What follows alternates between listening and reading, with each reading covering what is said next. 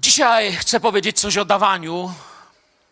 Zatytułowałem swoje słowo Nawrócenie portfela. To jest część pierwsza, a część drugą będzie się dzielił pastor Bogdan Kiona po okresie postu. Kiedyś słyszałem taki dowcip, na pewno żeście go słyszeli, niektórzy mówią, słyszeli, niektórzy mi mówią, że ja się czasem powtarzam tutaj z jakimiś anegdotami. Ja wiem o tym, wiecie, no, a czasami nie wiem, ale zawsze liczę, że, się, że nam to trochę da takiego odpoczynku i, i, i dystansu do niektórych rzeczy. I słyszałem taką anegdotę, że szczyt rozrzutności, wiecie co jest szczytem rozrzutności? Kupić za swoje ostatnie pieniądze nowy portfel. Słyszeliście o tym? Albo e, szczyt zachłanności to jest nosić zdjęcie swojego portfela w swoim portfelu. Starsze pokolenie wie, bo dzisiaj już nie nosimy. Dzisiaj się ja noszę telefon właściwie ze sobą i to jest mój portfel, ale kiedyś pamiętam, jak ktoś otwierał portfel, to tam były zdjęcia dzieci, mamy, taty, żony, a u niektórych właśnie zdjęcie ich portfela. Wiecie, ten świat zupełnie inaczej patrzy na pieniądze. Pieniądze są Bogiem tego świata. O dwóch rzeczach ten świat nie lubi mówić najbardziej: o Bogu i o pieniądzach.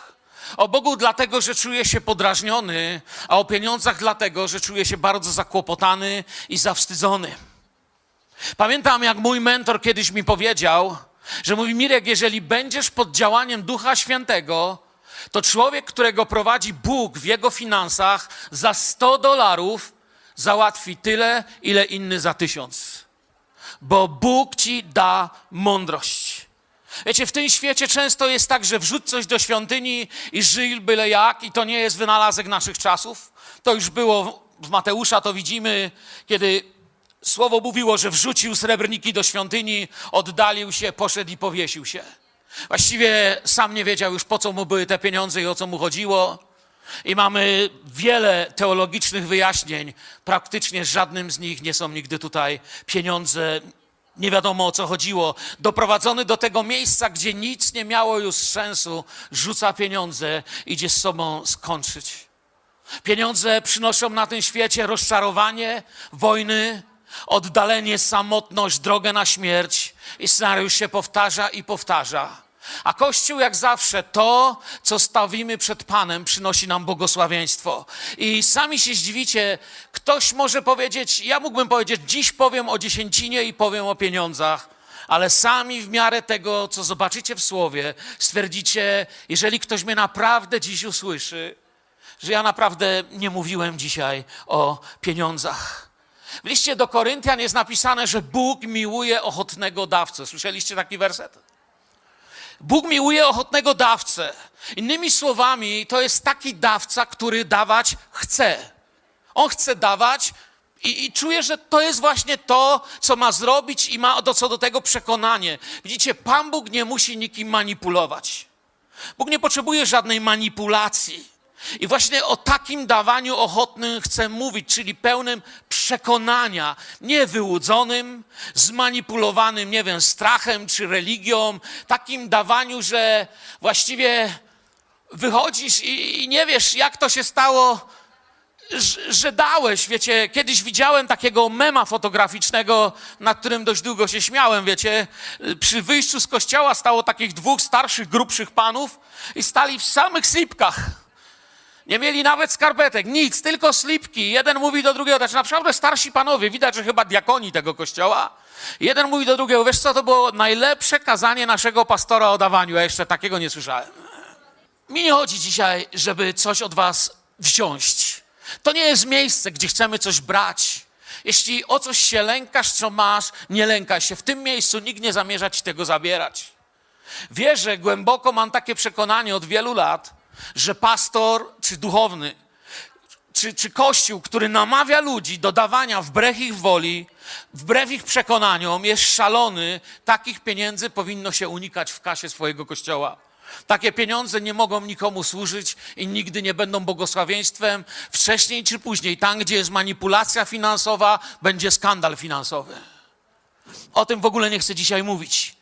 Jednym ze znaków prawdziwej przemiany również w naszym życiu, co chcę dziś powiedzieć, jest nie tylko brak zachłanności, ale głębokie wewnętrzne przekonanie o błogosławieństwie dawania.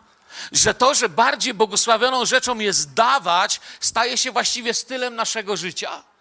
Ja się o tym przekonałem. Słuchajcie, całe życie coś dajemy, rozdajemy. Nie wiem, ile razy żeśmy różne rzeczy rozdali i nigdy nam nie brakuje.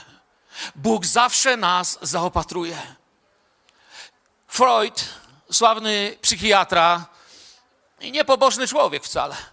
Freud powiedział, że woli bogatych pacjentów od biednych pacjentów. Pytano go, dlaczego, doktorze, wolisz biednych pacjentów od bogatych? Przecież bierzesz właściwie za wizytę tyle samo i od bogatych, i od biednych, a czasami słyszeliśmy, że właściwie nie bierzesz wcale. Więc dlaczego wolisz pacjentów biednych? I Freud odpowiedział coś, co dało mi do myślenia. Powiedział coś takiego: U bogatych nie muszę zmagać się ze złudzeniem, że pieniądze mogą coś jeszcze zmienić. Słyszycie to? Lekarz mówi: Nie muszę się zmagać z tym złudzeniem, że dlatego, że mają. Wiemy, że czasami dochodzi człowiek do miejsca, gdzie nic nie zmieniają. Dlatego mam do Was taką prośbę. Kiedy mówię dzisiaj i poruszę wiele spraw finansowych, chciałem, byście na chwilę, mm, nie wiem, czy to zabrzmi dobrze, ale myślę, że z sercem jako rodzina mnie zrozumiecie, e, żebyście zapomnieli, że jestem pastorem. Nie mam zamiaru robić wam jakiejś pobożnej mowy, żeby ko od kogoś wyłudzić jego ciężko zarobione pieniądze i powiedzieć: Mamy teraz w kasie, chłop się męczył, a my mamy. Nic z tych rzeczy. Chcę powiedzieć coś, co jest moją zasadą. Chcę się podzielić tym, co ja wierzę na ten temat i powiedzieć Wam, dlaczego wierzę, że doświadczam Bożego błogosławieństwa. Nie jestem absolutnie fachowcem od finansów. Każdy, kto ze mną był gdzieś na zakupach, czy gdzieś tam widzi, jak ja robię zakupy. Wiecie, u nas w domu to jest tak, ja jadę do sklepu i przywożę dżinsy za 280 zł i mówię, żonie, była obniżka 10%. Jesteś ze mnie dumna? Ona jedzie na zakupy i przywozi trzy pary takich samych dżinsów i mówi, były po złoty 50 za kilo. To jest moja ekonomia. Mama kroiła mortadelę, robiła ją w bułce tartej i zamiast kotleta podawała. Wiem jak czasami mama borykała się jako nastolatek, kompletnie nie rozumiałem tego wtedy, nie pojmowałem jej problemów w tamtych 80 latach, kiedy po prostu cudów dokonywała w kuchni, bo nie byliśmy jakoś bogaci. Nigdy nie byłem bogaty, ale wiem, kiedy przyszedłem pierwszy raz do Jezusa, pierwszym, co mnie spotkało w tym zborze, to była hojność. Hojność od samego początku. Przyznam wam się teraz do czegoś, czego prawdopodobnie chyba nigdy nie powiedziałem. Od 90 roku mam dług, którego nigdy nie spłaciłem. Kiedy przyszedłem do tego zboru, pożyczyłem od mojej żony 700 zł na magnetową, pamiętasz? I miałem jej spłacić, ale żeśmy się pobrali.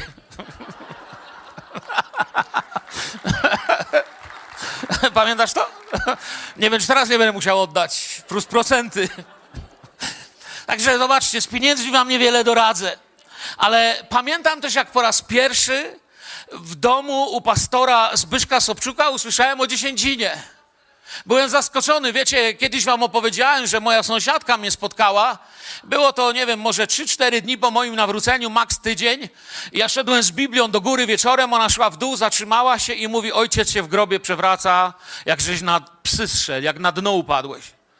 Myślę sobie, kiedy wracałem podpity do domu, jej nie przeszkadzało. Ale kiedy wracam z Biblią, ojciec się w grobie przewraca. I pamiętam, że wtedy powiedziała mi, oskarżyła mnie też, że na pewno ci protestanci, ona ich nazywała kociarze nas, w Wapiennicy zapłacili ci w dolarach, dlatego tam chodzisz. Wtedy takie czasy były, że tak mówili. Wiecie, ja nie miałem odwagi wtedy powiedzieć, że mało, że w dolarach nie zapłacili, to jeszcze 10% chcą. Pamiętam naszą pierwszą rocznicę w Moskwie, pierwszą rocznicę po ślubie. Śnieg nam dmuchał przez nieszczelne okna. Do dziś mam w biurze książkę, która jest poplamiona tym śniegiem. To jest studium Ewangelii Łukasza. Moja żona była, ja wam to ja wiem, że to mówiłem, sorry, no ten wiek, nie?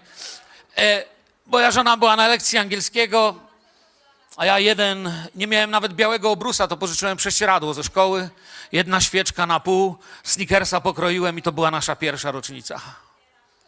Ale Bóg nas błogosławił, marzyliśmy. Nasza druga rocznica już była w hotelu w Mińsku na Białorusi. Już było troszkę lepiej. Potem pojawili się ludzie, którzy nauczali mnie, że niedanie dziesięciny to złodziejstwo. I kiedy jej nie dawałem, czułem się jak złodziej, który ukradł. I mówili mi, że nawet można zbawienie przez to stracić. Nie wiedziałem, co mam o tym myśleć. Trochę tak wierzyłem. Potem okazało się, jeszcze inni ludzie powiedzieli mi, że dziesięcina to tak naprawdę Stary Testament i już nie obowiązuje.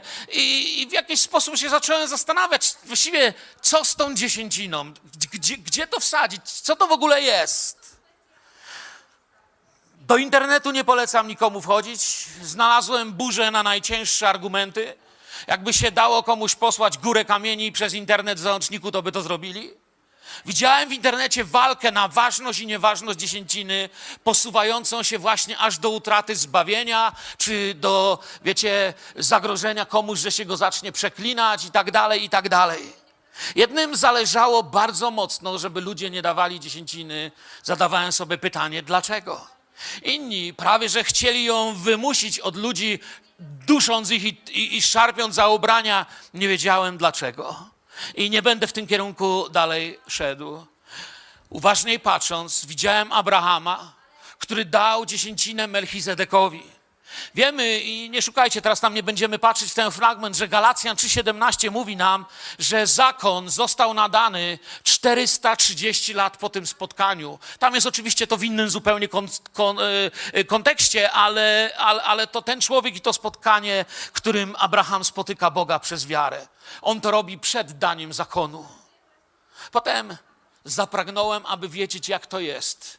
Na pewno odkryłem jedną ważną rzecz, że Bóg błogosławi hojność i uczyniłem hojność czymś, co chciałem, żeby było takim znakiem mojego życia. Dałem sobie obietnicę, że nie będę pożyczał pieniędzy. Jeżeli mogę, staram się dawać. Jeśli pożyczam, staram się nie spodziewać oddania ale zawsze staram się Bogu dawać z tego, co zarabiam, tego, co dostaję i za chwilę wam więcej o tym powiedz, y, powiem i, i, i powiedz sam, nie wiem jak jest u ciebie, sam sobie odpowiedz, ale całym sercem chcę się z wami dziś podzielić tym, w co wierzę. Okazuje się, pierwsza myśl, którą chcę, byście zapamiętali, że to coś dużo, dużo więcej niż 10%. Że to chodzi o coś dużo więcej niż wyliczanie jakiegoś 10%, wiecie, z jakiegoś koperku, czy, czy, czy dzielenie włosa na, na 10 części. Zaczyna mi się wyłaniać w miarę jak żyję i modlę się i kocham Jezusa, zasada Bożego majestatu, świętości i błogosławieństwa, tego, że do Boga należę ja, moje życie i wszystko, co mam coś, co absolutnie matematycznie przerosło te 10%, przerosło moje obliczenia i właściwie moje obliczenia wobec tego, co chcę do Was dziś powiedzieć, są śmieszne. Wiem, że wielu z Was dzisiaj usłyszy, co powiem i swoim sercem bardzo dobrze uchwycicie to, co dzieje się we mnie i co być może dzieje się w Was. Dar dla Boga, który jest pierwszy z tego, co pierwsze. Bóg jest w moim życiu na pierwszym miejscu, a w waszym? Amen. Bóg jest pierwszy. Amen. On jest pierwszy i chcę mu dawać zawsze to, co pierwsze, od miłości zaczynając, żyjąc w pierwszej miłości, a na czymkolwiek chcecie kończąc, to, co pierwsze. Pierwszy dzień, tygodnia, pierwsze miejsce, pierwszeństwo w czasie, pierwszeństwo w środkach, pierwszeństwo, kiedy się obudzę. Dzisiaj się obudziłem i moje pierwsze myśli to było Słowo Boże. I właściwie nie chodzi tu o te 10%. Wiecie, ja wierzę, że Bóg powiedział 10%, aby było jasne, że każdy może, że każdy potrafi, że każdy może to obliczyć i każdy może dać równo. Bez względu na to, czy masz 20 zł, możesz z 20 zł dać 10%, czy masz 2 miliony, możesz z 2 milionów dać 10%. I to będzie równo. Nieważne, czy zarabiasz 100 tysięcy, czy 2, możesz dać 10%. Jednak nie o to najbardziej chodzi. Nie na tym się skupiajmy. Tu ujawnia się nasza miłość nasze priorytety, nasze motywy, nasze cele, to kogo i jak naprawdę kochamy. Zobaczmy w Słowo Boże, w drugą księgę Mojżeszową, 13, pierwszy i drugi werset. I odezwał się Pan do Mojżesza, mówiąc: Poświęć mi wszystko pierworodne, wszystko, co u Izraelitów otwiera łono matki, zarówno u ludzi, u bydła, do mnie należy. Wiecie, Bóg nieczęsto mówi, że coś do mnie należy. Nieczęsto się Bóg zwraca do swoich dzieci, do swojego narodu i mówi: To jest moje. Druga Mojżeszowa 13, 12, 13.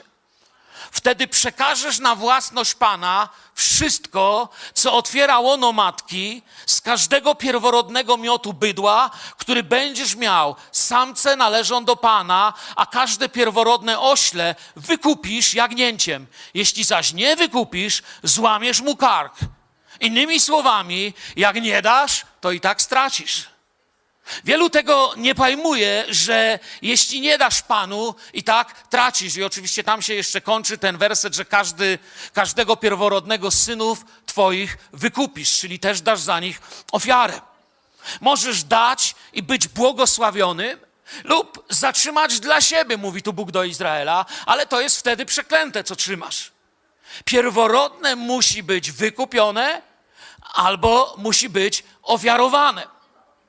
Stary Testament, skomentowany przez Nowy Testament, mówi w 1 Koryntian 10:11, że to wszystko na tamtych przyszło dla przykładu i jest napisane ku przestrodze dla nas, którzy znaleźliśmy się u kresu wieków. Chcę, aby się skupili. Wszystko tamto jest dla nas pewnego rodzaju przykładem, praobrazem tego, jak możemy pojmować Boże zasady.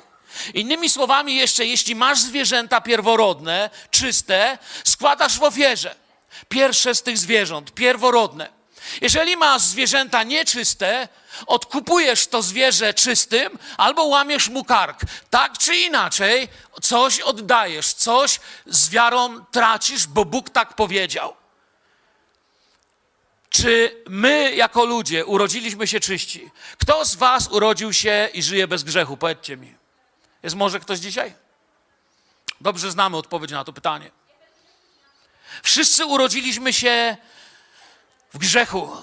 Dawid nawet napisał: W grzechu poczęła mnie matka moja. Wiecie, kiedyś byłem zaskoczony, jak jeden człowiek powiedział mi właśnie, że on uważa, że w ogóle jesteśmy bez żadnych grzechów. Ja mówię, no tam pisze, nawet Dawid mówi, słuchaj, y, pisze, w grzechu poczęła mnie matka, bo, ma, matka. On mówi, słuchaj, ty nie rozumiesz Boga. Ja mówię, a co? On mówi, w grzechu poczęła mnie matka moja. Dawid pisze, że kiedy go matka rodziła, to miała grzech. Ja mówię, dziwna interpretacja. Jezus był pierworodnym i czystym i Jezus rodził się bez grzechu i żył bez grzechu. Amen?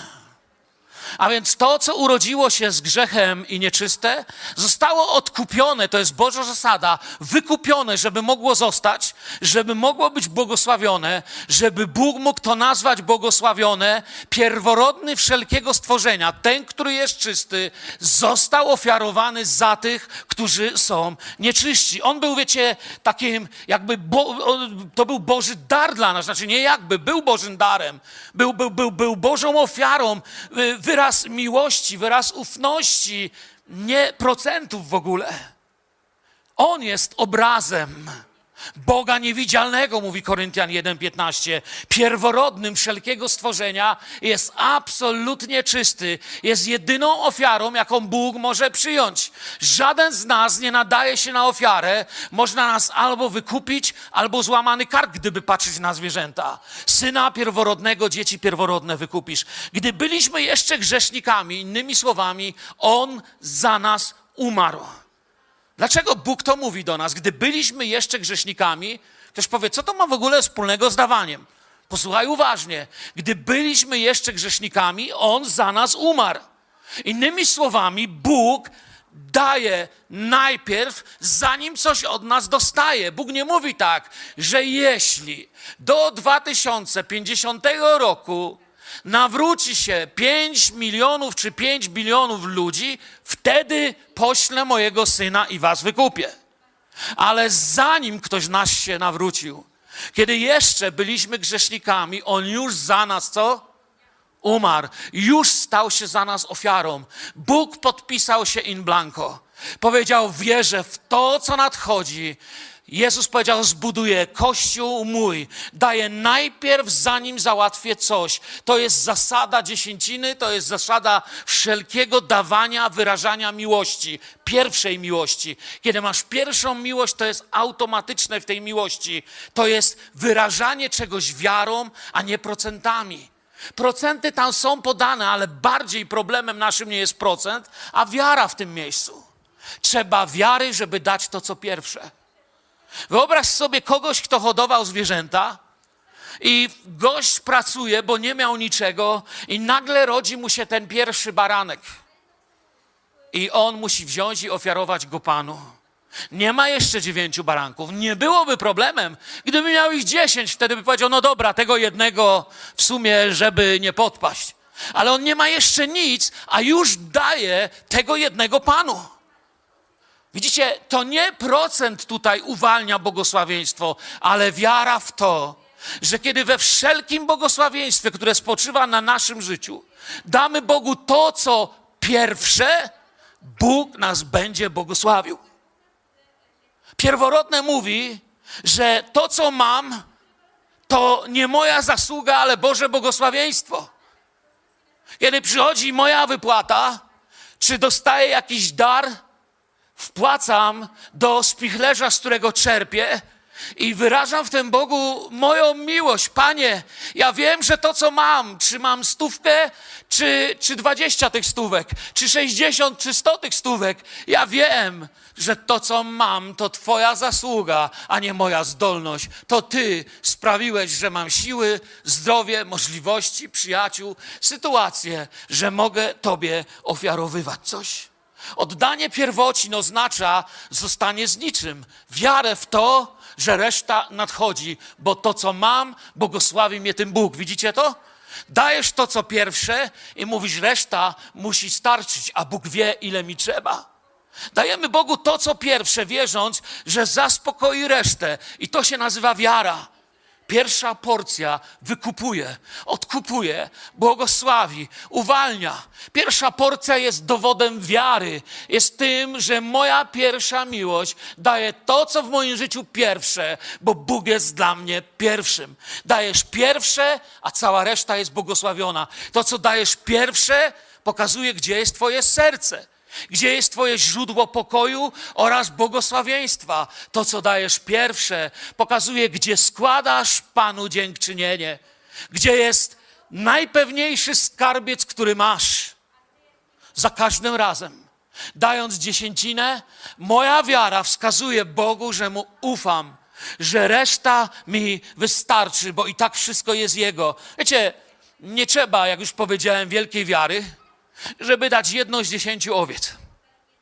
Ale trzeba wielką wiarę, że zanim pomyślisz, pomartwisz się o resztę, że zanim zastanowisz się, jakie masz wydatki, zanim zastanowisz się, co ja to narobiłem w tym moim życiu, powiem Panu, że pierwsze z tego, co mam, należy do Niego. Oddaję pierwszą część. Jak widać, Abraham dał więcej niż dziesięcinę. Jego serce nie liczyło w procentach, jego serce liczyło w wierze. I uwierzył Abraham Bogu, i poczytane mu to zostało za sprawiedliwość. I naprawdę nie chodzi tu o 10%. Uwierzył Abraham i był gotowy syna oddać. W co Abraham wierzył? Że z tego syna powstanie naród, który będzie liczniejszy niż gwiazdy, tak czy nie? I nagle Bóg mu mówi: oddaj go, a on dalej wierzy że jeżeli nawet Bogu coś się odda, to nic się nie traci. O tej wierze mówi zasada dziesięciny, zasada pierwszej miłości. Pierworodne ofiarowane Bogu sprowadza błogosławieństwo na całość. I oczywiście tam w proroczy sposób, na górze Moria, Bóg wskazuje Abrahamowi baranka, który uwikłał się w krzaki, jak ten baranek który parę tysięcy lat później uwikła się w problemy tego świata, aby być ofiarą wykupienia dla wszystkich grzeszników, dla mnie i dla ciebie. Odwrotnością takiego błogosławieństwa jest przekleństwo niewiary. To nie to, że Bóg na ciebie, nie wiem, napluje czy cię przeklnie, ale niewiara prowadzi człowieka w przeklęte życie, bo w coś musisz wierzyć. Dając Bogu uświęcamy, trzymając wszystko u siebie, ufamy w człowieka, ufamy, że ja mam rozum, wiem kiedy, wiem jak i wiem ile. A Bóg mówi, przeklęty jest człowiek, który wierzy człowiekowi, który na nim opiera. Oprzyj swoje Widzicie, już mówimy o czymś dużo więcej niż dawanie na mojej miłości. Daj mi to, co pierwsze, a uwolnisz, wykupisz całą resztę. Pierwsze jest moje, ale święte jest wszystko. A więc widzicie, pragnę, żeby moje finanse wyrażały moją wiarę i były błogosławione. Wierzę, że dziesięcina jest błogosławieństwem i to nie tylko w księdze Malachiasza. Wierzę, że jest aktem wiary i miłości. Panie, uświęcam to, co mam i z miłości do Ciebie nie mam żadnych wątpliwości, co się Tobie należy. I mam dla Ciebie wyzwanie. I mówię teraz bardzo poważnie do całej Filadelfii. Jeżeli dzisiaj podejmiesz decyzję, że chcesz to, co pierwsze dawać Bogu, i po roku przyjdziesz do mnie i powiesz: Zawiodłem się, nie tylko mi brakuje, ale mam mniej. Obiecuję ci przed całym kościołem, że oddam ci każdą moją wypłatę, aż spłacę dziesięcinę, którą dawałeś przez cały rok. Słyszeli? Wszyscy? Jeżeli się zawiedziesz na Bogu w wiernym dawaniu dziesięciny, to możesz przyjść i powiedzieć mi, pastorze, kłamałeś publicznie z kazalnicy Dawałem Panu z miłości, bo jak to robisz z interesu, to ci nie oddam. Tak. Bóg cię nie zawiedzie. Wiesz dlaczego? Bo Słowo Boże ci mówi, że nie zawiedzie. Co ty na to, Filadelfio? Amen. Tak, dziesięcina jest błogosławieństwem. Spróbuj jeden rok, jak mówię, nie zadziała, osobiście ci oddam. Ja wiem, że to działa, bo mam Słowo Boże. Mi, Twojej przyniesiesz do domu Pana, Boga Twojego. W przypowieściach 3, 9, 10 dodaje: Czci Pana darami ze swojego mienia i z pierwocin wszystkich Twoich plonów. Z pierwocin, to co pierwsze. Bóg jest pierwszy i chce to co pierwsze. Bóg jest pierwszy i chce to co pierwsze w naszym życiu. Pierwsze minuty dnia, Pierwsze słowa dnia, pierwsze myśli dnia, pierwszy wybór dnia, kiedy wypieram, kładę go jako pierwszego. Kiedy się zastanawiam, czy coś robić, czy nie robić, najpierw zastanawiam się, co o tym pomyśli Pan Bóg. A dopiero potem zastanawiam się, o tym, co o tym pomyślą inni. I będą Twoje stodoły, dziesiąty werset mówi, pełne, będą Twoje stodoły wypełnione ponad miarę, a Twoje prasy opływać będą w moszcz. Stary Testament opisuje nam niezwykłą historię, którą bardzo dobrze znamy. Od dziecka znamy historię Kain i Abel. I zawsze gdzieś jako dziecko myślałem, że Kain to musiał być zły, a Kain to musiał być dobry. Wyobrażałem sobie Kaina przystojny, elegancki facet, taki ładny, a Kain to na pewno taki bebok wiecie, szedł i na pewno nad nim sunęła chmura z takimi błyskawicami prosto nad jego głową. Ale kiedy w miarę czytania tej historii zobaczyłem coś bardzo ważnego w tej historii. Pierwsza księga Mojżeszowa 4:3 mówi: Po niejakim czasie Kain złożył Panu ofiarę z plonów rolnych. Po niejakim czasie jest bardzo ważnym słowem i patrząc tak wcale nie nawiązuje do poprzednich wersetów. Abel także złożył ofiarę z pierworodnych trzody swojej i tłuszczu ich, a Pan wejrzał na Abla i na jego ofiarę, ale na Kaina i na jego ofiarę nie wejrzał. Wtedy Kain rozgniewał się bardzo i zasępiło się jego oblicze. Kain i Abel, gdzie jest różnica? Kiedy oglądałem książkę dla dzieci, taką Biblię w obrazkach dla dzieci, to pokazywali Abla, jak daje takie śliczne zwierzątka Panu Bogu i pokazywali Kaina, jak jakieś zgnite ziemniaki daje Panu Bogu. Ale tam nie chodziło o to, czy dał zgnite, czy nie zgnite, tego nie wiem. Ale poza, wiecie, różnica poza typem ofiary, i, i, i, powód tego odrzucenia, gdzie jest? Dali? Dali, obydwoje dali. Dali Bogu, wierzyli w Boga. Pierworodne, tu jest różnica. Po jakimś czasie, po jakimś czasie, kiedy miał już dość, kiedy już miał tyle, ile wystarczy, wtedy zaniósł Panu. A Abel dał pierworodne. To, co najpierw, i tu jest różnica. Abel dał pierwociny, a Kain dał po jakimś czasie, kiedy poczuł się, że coś tam może Bogu skapnąć. Bóg nie przyjmuje niczego, co nie jest powodowane miłością. Wiemy o tym. Wiemy, że jedyną relacją z Bogiem, jaką możemy jest, mieć, jest miłość. Nie jest to wyrachowanie, Bogu się nie zrobi nasz żal, bo żal nas mu już było na Golgocie.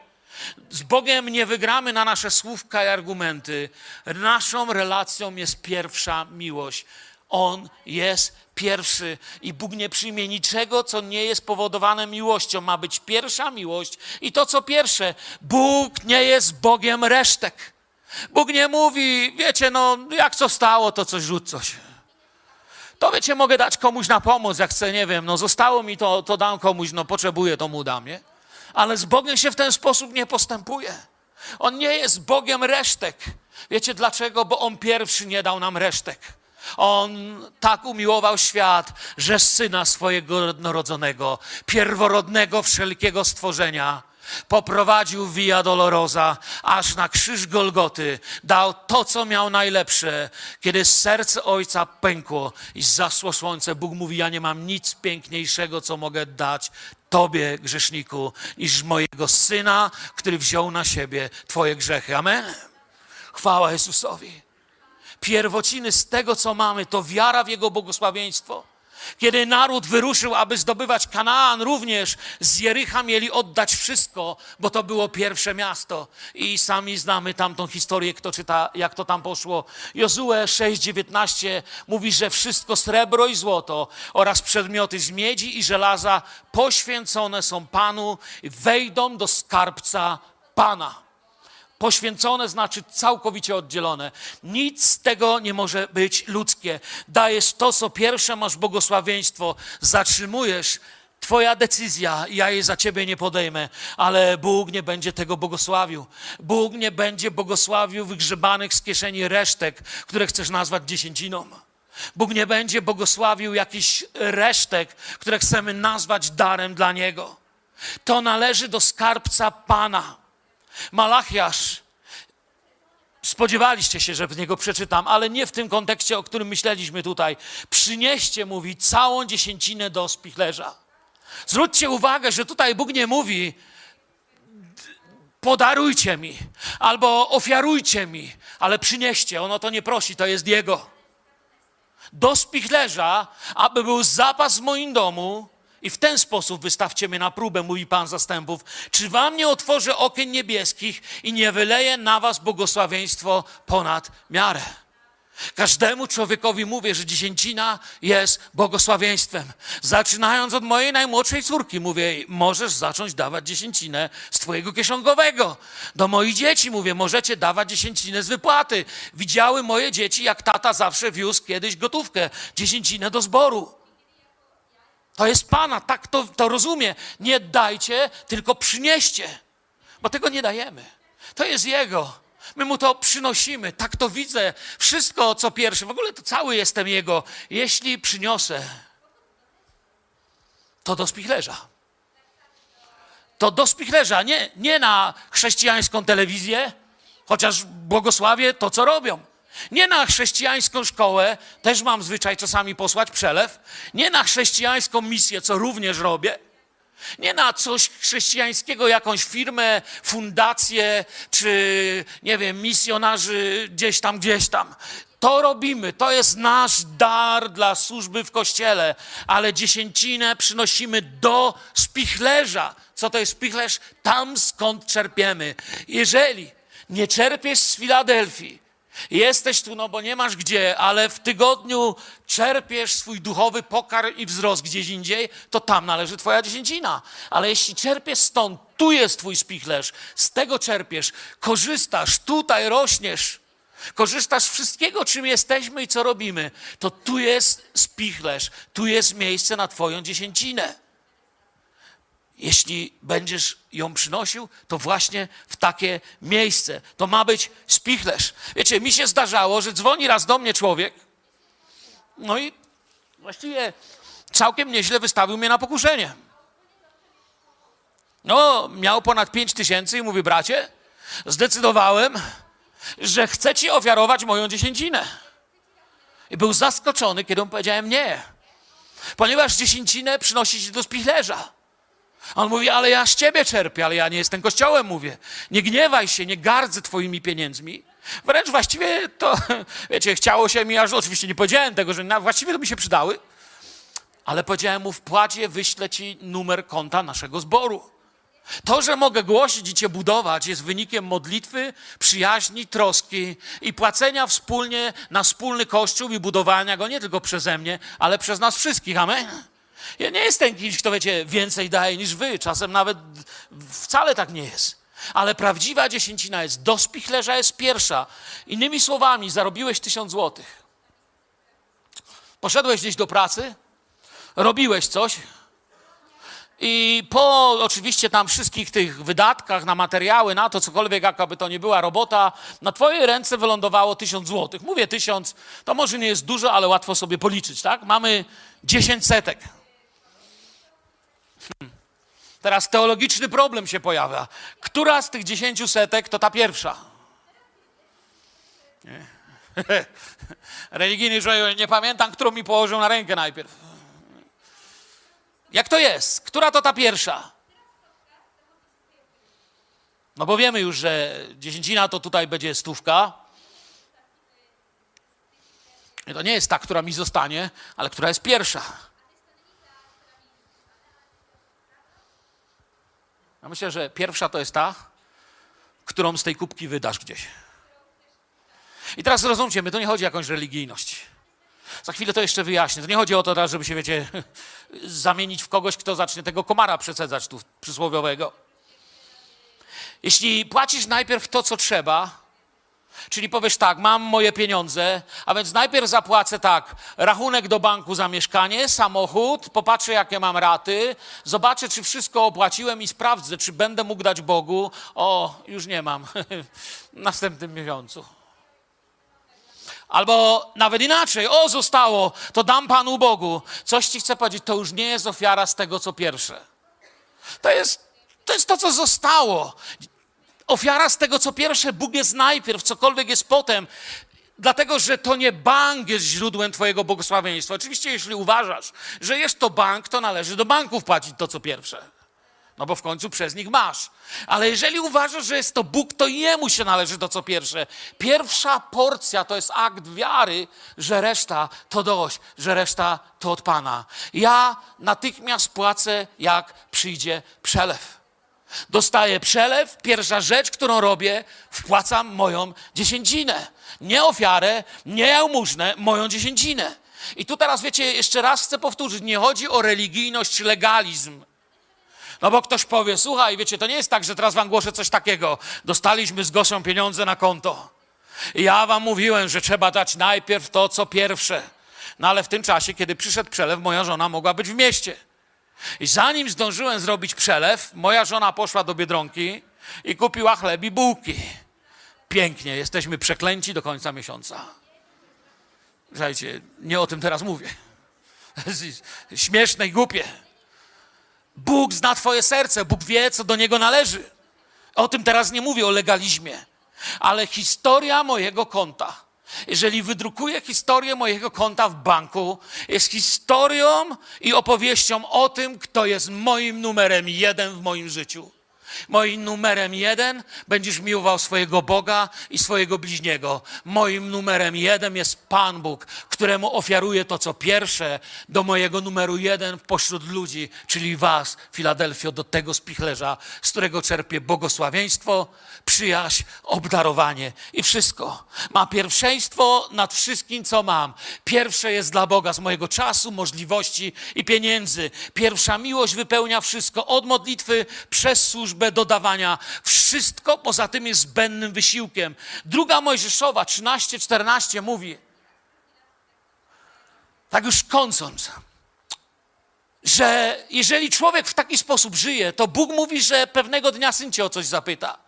Druga Mojżeszowa 13-14, czyli wracamy do tamtego tekstu z początku. A gdy kiedyś zapyta ciebie syn twój, mówiąc, co to oznacza, powiesz mu, ręką przemożną wyprowadził nas Pan z Egiptu, z domu niewoli. Bo gdy faraon uporczywie wzbraniał się wypuścić nas z pierworodne, pierworodnego z bydła, dlatego ofiaruję Panu wszystkie samce otwierające łono matki, każdego zaś pierworodnego synów moich wykupuję co się działo w żydowskiej rodzinie. Syn chłopczy grósł i widział, jak rodziło się jagniątko. Widział coś bardzo dziwnego co każdym dzieckiem wstrząśnie. Pierwsze jagniątko z każdego stada tata brał i składał w ofierze. Kiedy syn na tyle podróż, że mu coś tam zaczynało świtać, przychodził do taty, mówił: Tato, mamy owce. Z tego co rozumie, nasze owce to jest przecież nasz majątek. Taką owcę można nieźle sprzedać. A widzę, że ty masz, tato, coś dziwnego w swoim życiu. Nie wiem, czy coś z tobą nie w porządku, czy coś złego doświadczyłeś. Nie wiem, tato, ale czemu ty zawsze pierwsze jagniątko pójdziesz i zamordujesz? Co jest nie tak? I to był ten moment. Wtedy tata Żyd brał młodego Żyda na rozmowę i mówił do niego: Synu, dawno temu byliśmy niewolnikami. Byliśmy niewolnikami w Egipcie. Pamiętam, jak pewnego dnia dziadek ściągnął swoją szatę, a ty przyglądałeś się głębokim bliznom na jego plecach. Te blizny miał z Egiptu, synu. Kiedyś nie mieliśmy ani jednej owieczki, nie mieliśmy nic. Ktoś rzucał szarpamnami, topił i mordował nasze dzieci. Wykorzystywał nas batem na pustyni i wszystko, co znaliśmy, to był bat, a wszystko, co mieliśmy, było zabierane nam siłą pod karą śmierci. Nie mieliśmy nic, byliśmy sprzedawali, handlowano nami, ale Bóg Wszechmogący, Bóg Jahwe, wyprowadził nas z Egiptu i zawarł z nami przymierze. Synu, nie mieliśmy owiec, dzisiaj mamy. Inny władca nami poniewierał, nie mogliśmy decydować sami, ale dzisiaj z chęcią oddaję każdą pierwszą owieczkę temu, który o nią poprosił. Poprosił tak, nie wiem czemu tak, tak oddaję, bo ten, który wyprowadził mnie na wolność, poprosił, że to co pierwsze jest jego. Wiecie, kiedy rośniesz w chrześcijańskiej rodzinie, pamiętam czasy, kiedy nasze dzieci stały koło nas jako małe jeszcze tu. Pamiętam ten wzrok syna czy córki, trzymasz w ręce stówkę czy dwie i za chwilę ją położysz do koszyka. Dziecko patrzy na tą stówkę i na tatę. Wiecie, dla dziecka, wiecie co dla dziecka 100 złotych? To, to są miliony, to są nieskończone źródło przyjemności.